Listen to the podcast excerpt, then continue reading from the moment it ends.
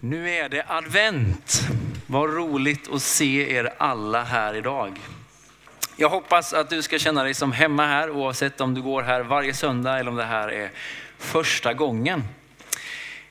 I den här kyrkan så ber vi till Jesus. Det gör man egentligen i alla kyrkor. Men jag inser att det där blir förvirrande för en del, för ibland så säger vi Jesus och ibland så säger vi Gud. Hur hänger det där egentligen ihop? Ja, men vi tror, precis som i alla andra kyrkor också, att Jesus är Guds son. Sänd till den här världen. Han är den som gör Gud tydlig för oss och öppnar vägen till Gud. Så därför ber vi också till Jesus. Jag var med om en liten dråplig händelse i måndags som jag tänkte dela med mig av. Jag var hemma med mina två söner som är tre och fem år. Femåringen, han var sjuk eh, och treåringen var full av energi kan man väl säga. Och så hände det sig så att jag satt på nedervåningen i vårt lilla radhus och så läste jag en bok för våran sjukling. Och så fick liksom lillebror skrota runt på övervåningen. Och det gjorde han en stund. Och sen blev det tyst. Här kommer han, stjärnan. Det blir helt tyst. Och när Henry blir helt tyst, då tänker pappa så här. Nu är det något lut på gång. Nu gör Henry något bus. Nu gör han någonting han verkligen inte får. Så jag ropar först, Henry. Vad gör du? Inget svar. Och så ropar jag ännu högre, Henry, vad gör du? Och då får jag svaret från en mycket irriterad treåring som skriker, jag ber till Jesus! Och innan ni får allt för fromma bilder av mitt hemmaliv så eh, ska jag berätta för er vad det här betydde. Henry, han har kopplat att Jesus är i himmelen. Och sen så gillar han att klättra upp på en stol på övervåningen och öppna ett fönster i våran, vårat sovrum. Så när han, och så har han liksom kopplat ihop de här, att när han står där, ja men då ber han, han tittar ju på himlen och då ber han till Jesus. Så när jag hör att Henry ber till Jesus, då får jag panik. Han står på övervåningen och fönstret är öppet. Min poäng är så här, att jag tänker att vi kommer in i det här rummet från så många olika vinklar. En del här inne, ni är vana Jesusbedjare. Och en del andra, ni har bara gläntat på det där fönstret till en större andlig verklighet. Oavsett var du befinner dig på den där skalan så är du så välkommen hit idag. Jag hoppas att du ska få känna dig som hemma här och att jag har ett budskap till just dig idag. Det är advent och då har man två stycken texter att välja mellan. Den ena har Johanna redan berättat om, det är när Jesus rider in i Jerusalem. Och den andra texten som man faktiskt kan välja, det är när Jesus håller sin första predikan i en synagoga i Nasaret. Och den texten har jag tänkt att predika utifrån idag. Jag tänkte, det är ändå första advent, vi gör det lite högtidligt. och Jag tänker att vi står upp i vördnad inför Guds ord och lyssnar. Han kom till Nasaret där han hade växt upp och på sabbaten gick han till synagogan som han brukade. Han reste sig för att läsa och man gav honom profeten Jesajas bok.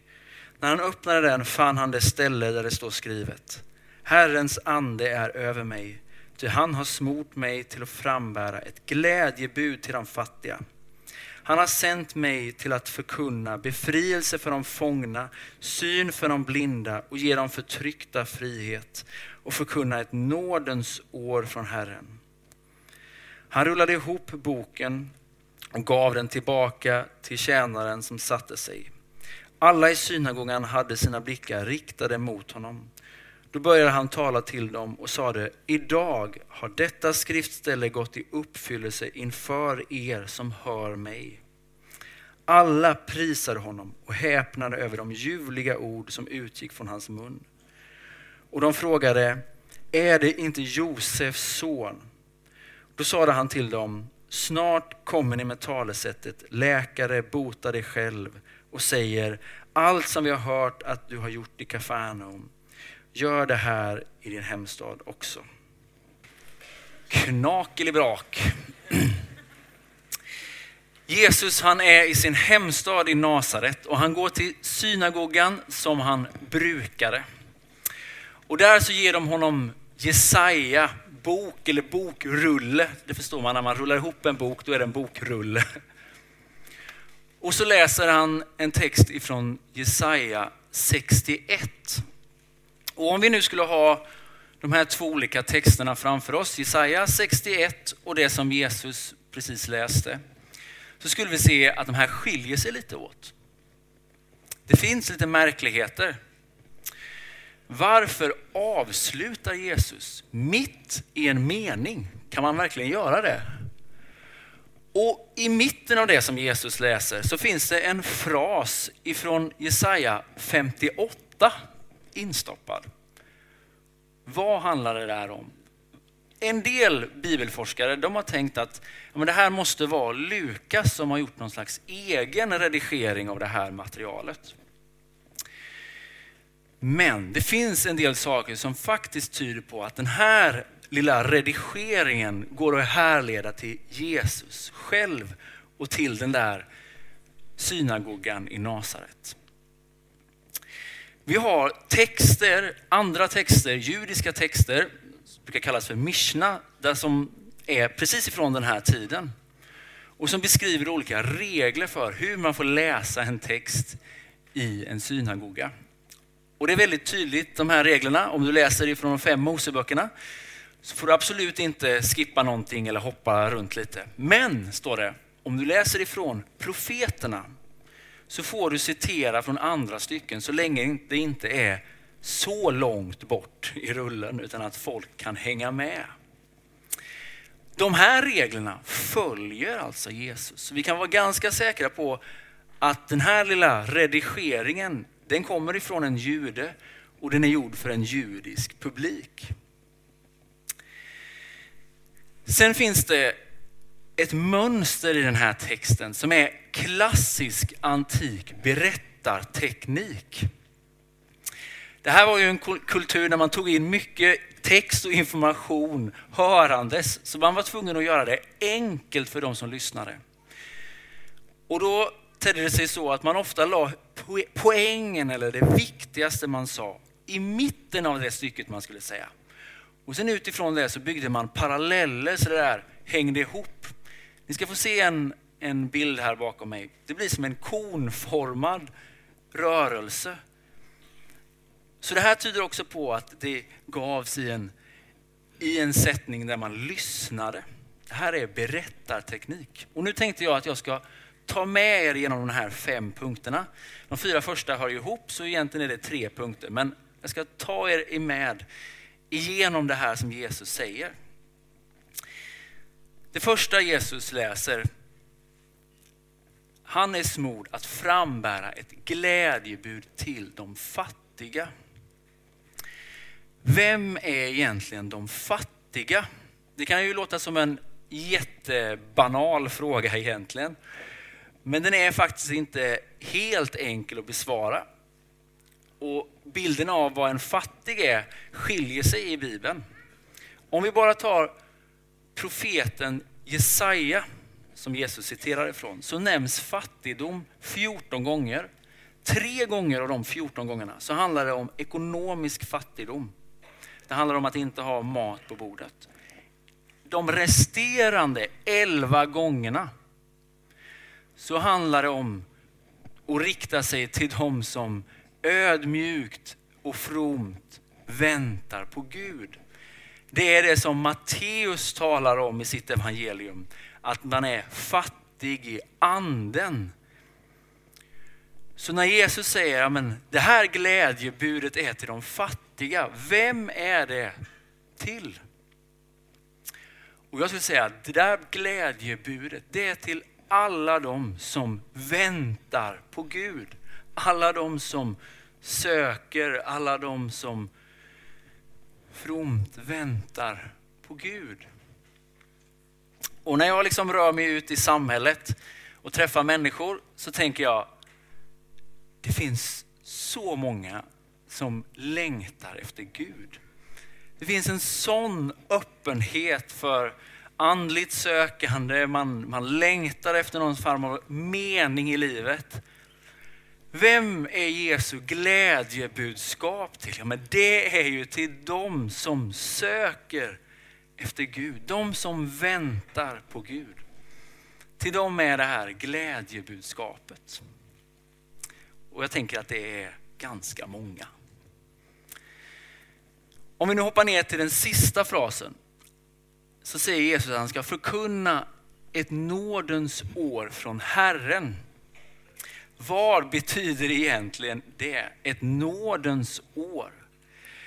Nådens år, det har att göra med ett år som, man, som beskrivs i tredje Mosebok, brukar kallas för ett frihetsår. Israels folk skulle var femtionde år ha ett sånt här frihetsår. Och under det året då skulle man låta marken vila. Man skulle betala, eller frigöra alla skulder, eller stryka rättare sagt alla skulder. Man skulle frige fångar och slavar under det här året. Många forskare tänker att när de läser om historien att det här inte riktigt infriades. Israel lyckades aldrig leva upp till det här frihetsåret. De tänkte väl att det här var helt orimligt att göra var 50 år. Hur, hur får, man, liksom, får man en sån sak att fungera? Så väldigt många tror att det, det aldrig levdes ut på riktigt. Och så kommer Jesus och säger, nu sker det här. Nu är det här nådens år. Och när jag har förberett den här predikan så tänker jag att du kanske finns här som tänker, ja men det jag har gjort, det går inte att förlåta. Om alla andra bara visste vad jag har gjort skulle de inte tycka om mig. Och jag skulle bara vilja skicka med dig detta, att det som var orimligt i alla andras öron, det var möjligt genom Jesus. Den förlåtelsen fanns hos honom. Det var orimligt för alla andra, men för honom var den förlåtelsen möjlig. Den förlåtelsen finns för dig också. Om vi går vidare ett varv in i den här cirkeln så kommer vi till att Jesus säger att han är sänd till och han ska ge befrielse för de fångna och ge de förtryckta frihet. Om det första handlar om ett budskap om glädje och nåd som Jesus förkunnar så är han nu sänd. Det är någonting han ska ge. Det är praktiskt. Inte bara ett budskap utan han ska göra en förändring, en skillnad. Den här nedre frasen, det är den som är ifrån Jesaja 58. Och Jesaja 58 det är ett kapitel som handlar om att Gud inte tål orätten. Fromma gärningar betyder ingenting om den inte levs ut, om rätten inte får vara fri i landet. Om rätten inte bärs fram, då är det här oviktigt. Gud tål inte orättvisan. När jag träffar alfagrupper, för vi har alfakurser här i kyrkan, då är det den vanligaste frågan man får. Varför finns det så mycket lidande i världen? Varför drabbar dåliga saker goda människor? Det är den här rättvisan man, man ofta brottas med. Och jag brukar säga det att vi kanske inte riktigt ser hela bilden av detta. Men jag litar på att Gud är en rättvis Gud. Han tål inte orätten. Och när Jesus kommer så är det inte bara prat, det är handling också. Det är socialt engagemang, det är rättvisa. Så du som brottas med de där tankarna, hur kan Gud vara god när det sker så mycket hemskt i världen? När man ska säga, på Guds hjärta så ligger rättvisan och en dag ska rättvisan segra. Och när du och jag gör en god sak, när vi engagerar oss för att människor ska få ett drägligt liv, då går vi tillsammans med Gud. Så tar vi oss in till den här viktigaste punkten, huvudpoängen. Syn för de blinda. Ni som är bevandrade i evangelierna vet att Jesus ger en del blinda fysisk syn. Men om man läser i gamla testamentet så är det här en väldigt, väldigt vanlig bild. Att Gud ska ge de blinda syn. För det första så är det en bild som hör ihop med Messias förväntningar. Ni vet, en dag ska Gud komma och han ska ge dem blinda syn. Och sen verkar det som att ganska ofta så handlar det om någon slags inre syn eller förståelse. De som är alltså blinda, det är de som är förstockade. Det är de som inte lyder Gud. Och en dag ska Gud ge dem syn. Det här är en handling av både medlidande och kärlek. För i gamla testamentet så är det ju folk som hela tiden vänder sig bort ifrån Gud. De är förstockade, de vet inte hur de ska följa Gud. Så Gud väljer att gång på gång förbarma sig över dem. Så det här är en handling fylld av medlidande och kärlek. Guds kärlek till människan. Så när Jesus ställer sig upp i Nasarets synagoga så kommer han för att förkunna. Han har ett budskap. Vi kan ta nästa bild. Han förkunnar ett budskap, ett glädjebudskap fullt av nåd. Han säger att han är sänd. Han har ett uppdrag. Han talar om socialt engagemang och social rättvisa. Och han talar om Guds kärlek till människan. Aposteln Paulus har uttryckt det här så bra, vi ska läsa det bibelordet också. Men nu består tro, hopp och kärlek, dessa tre, och störst av dem är kärleken. Vad har Jesus egentligen att ge? Han ger tro. Han kommer och förkunnar ett glädjebudskap fullt av nåd. Han kan förändra hopplösa situationer. Och störst av allt, det är kärleken ifrån Gud. Det är detta som Jesus ger när han predikar i Nasarets synagoga.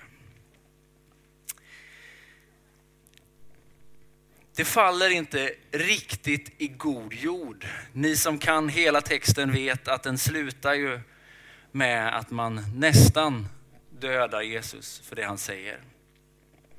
Men till en början verkar det ändå som att människorna gillar det han säger.